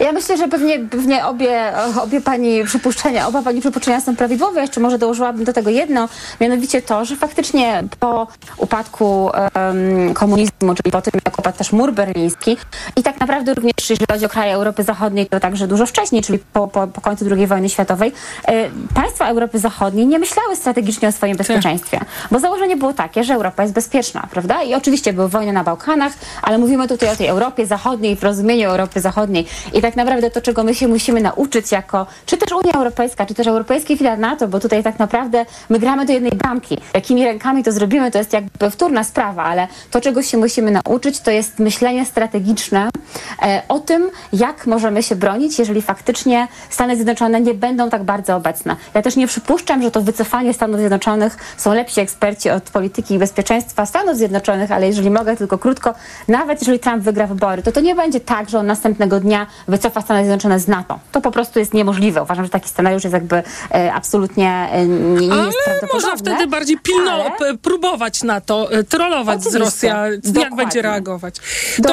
I to jest niebezpieczne. Tak, dokładnie. To jeszcze na koniec chciałam e, panią poprosić o, o, jakieś dwa słowa, abyśmy lepiej rozumieli wagę tego ostrzeżenia, bo Reuter podał e, wczoraj, że e, władze przekazały kongresowi, e, władze amerykańskie i sojusznikom w Europie informacje wywiadowcze, z których ma wynikać, że Rosja ma mieć możliwość pracować nad możliwością zainstalowania na orbicie Ziemi broni jądrowej, która by mogła niszczyć e, satelity.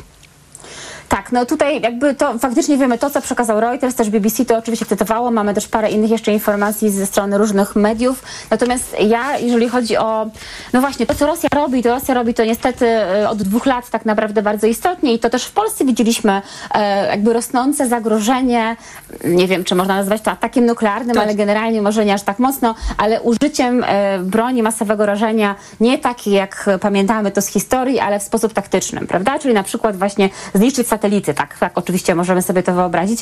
Ja bym tutaj e, może doradzała jedną rzecz, czyli daleko idącą wstrzemięźliwość w ocenach i mi się wydaje, że e, lepiej e, by było, gdyby takie informacje faktycznie, jeżeli tak mogę to powiedzieć, nie przedostawały się zbyt do opinii publicznej, ponieważ Nie w takiej formie. Dokładnie, nie w takiej formie. I tutaj też mieliśmy tego przykład, jeżeli pozwoli pani redaktor Mhm. krótko, bodajże w czerwcu rok temu, e, prawie rok temu, e, nasz premier powiedział na premier Morawiecki na spotkaniu na właśnie takiej konferencji po Radzie Europejskiej w Brukseli, że Polska być objęta planem e, tego nuclear sharing, czyli tego em, układu jakby o, o, o byciu częścią e, układu, który zapewnia nam tutaj bezpieczeństwo nuklearne ze strony Stanów Zjednoczonych.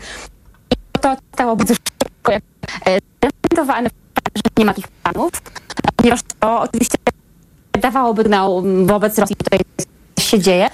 Takie rozmowy się toczą. To nie jest tak, że NATO i Europa i państwa europejskie nie widzą tego zagrożenia, które potencjalnie tutaj Rosja wysyła, prawda? Bardzo dziękuję pani e, profesor za rozmowę. Profesor e, Monika Sus e, była państwa ostatnią gościnią. Jest badaczką związaną z Polską Akademią Nauki Hertie School w Berlinie.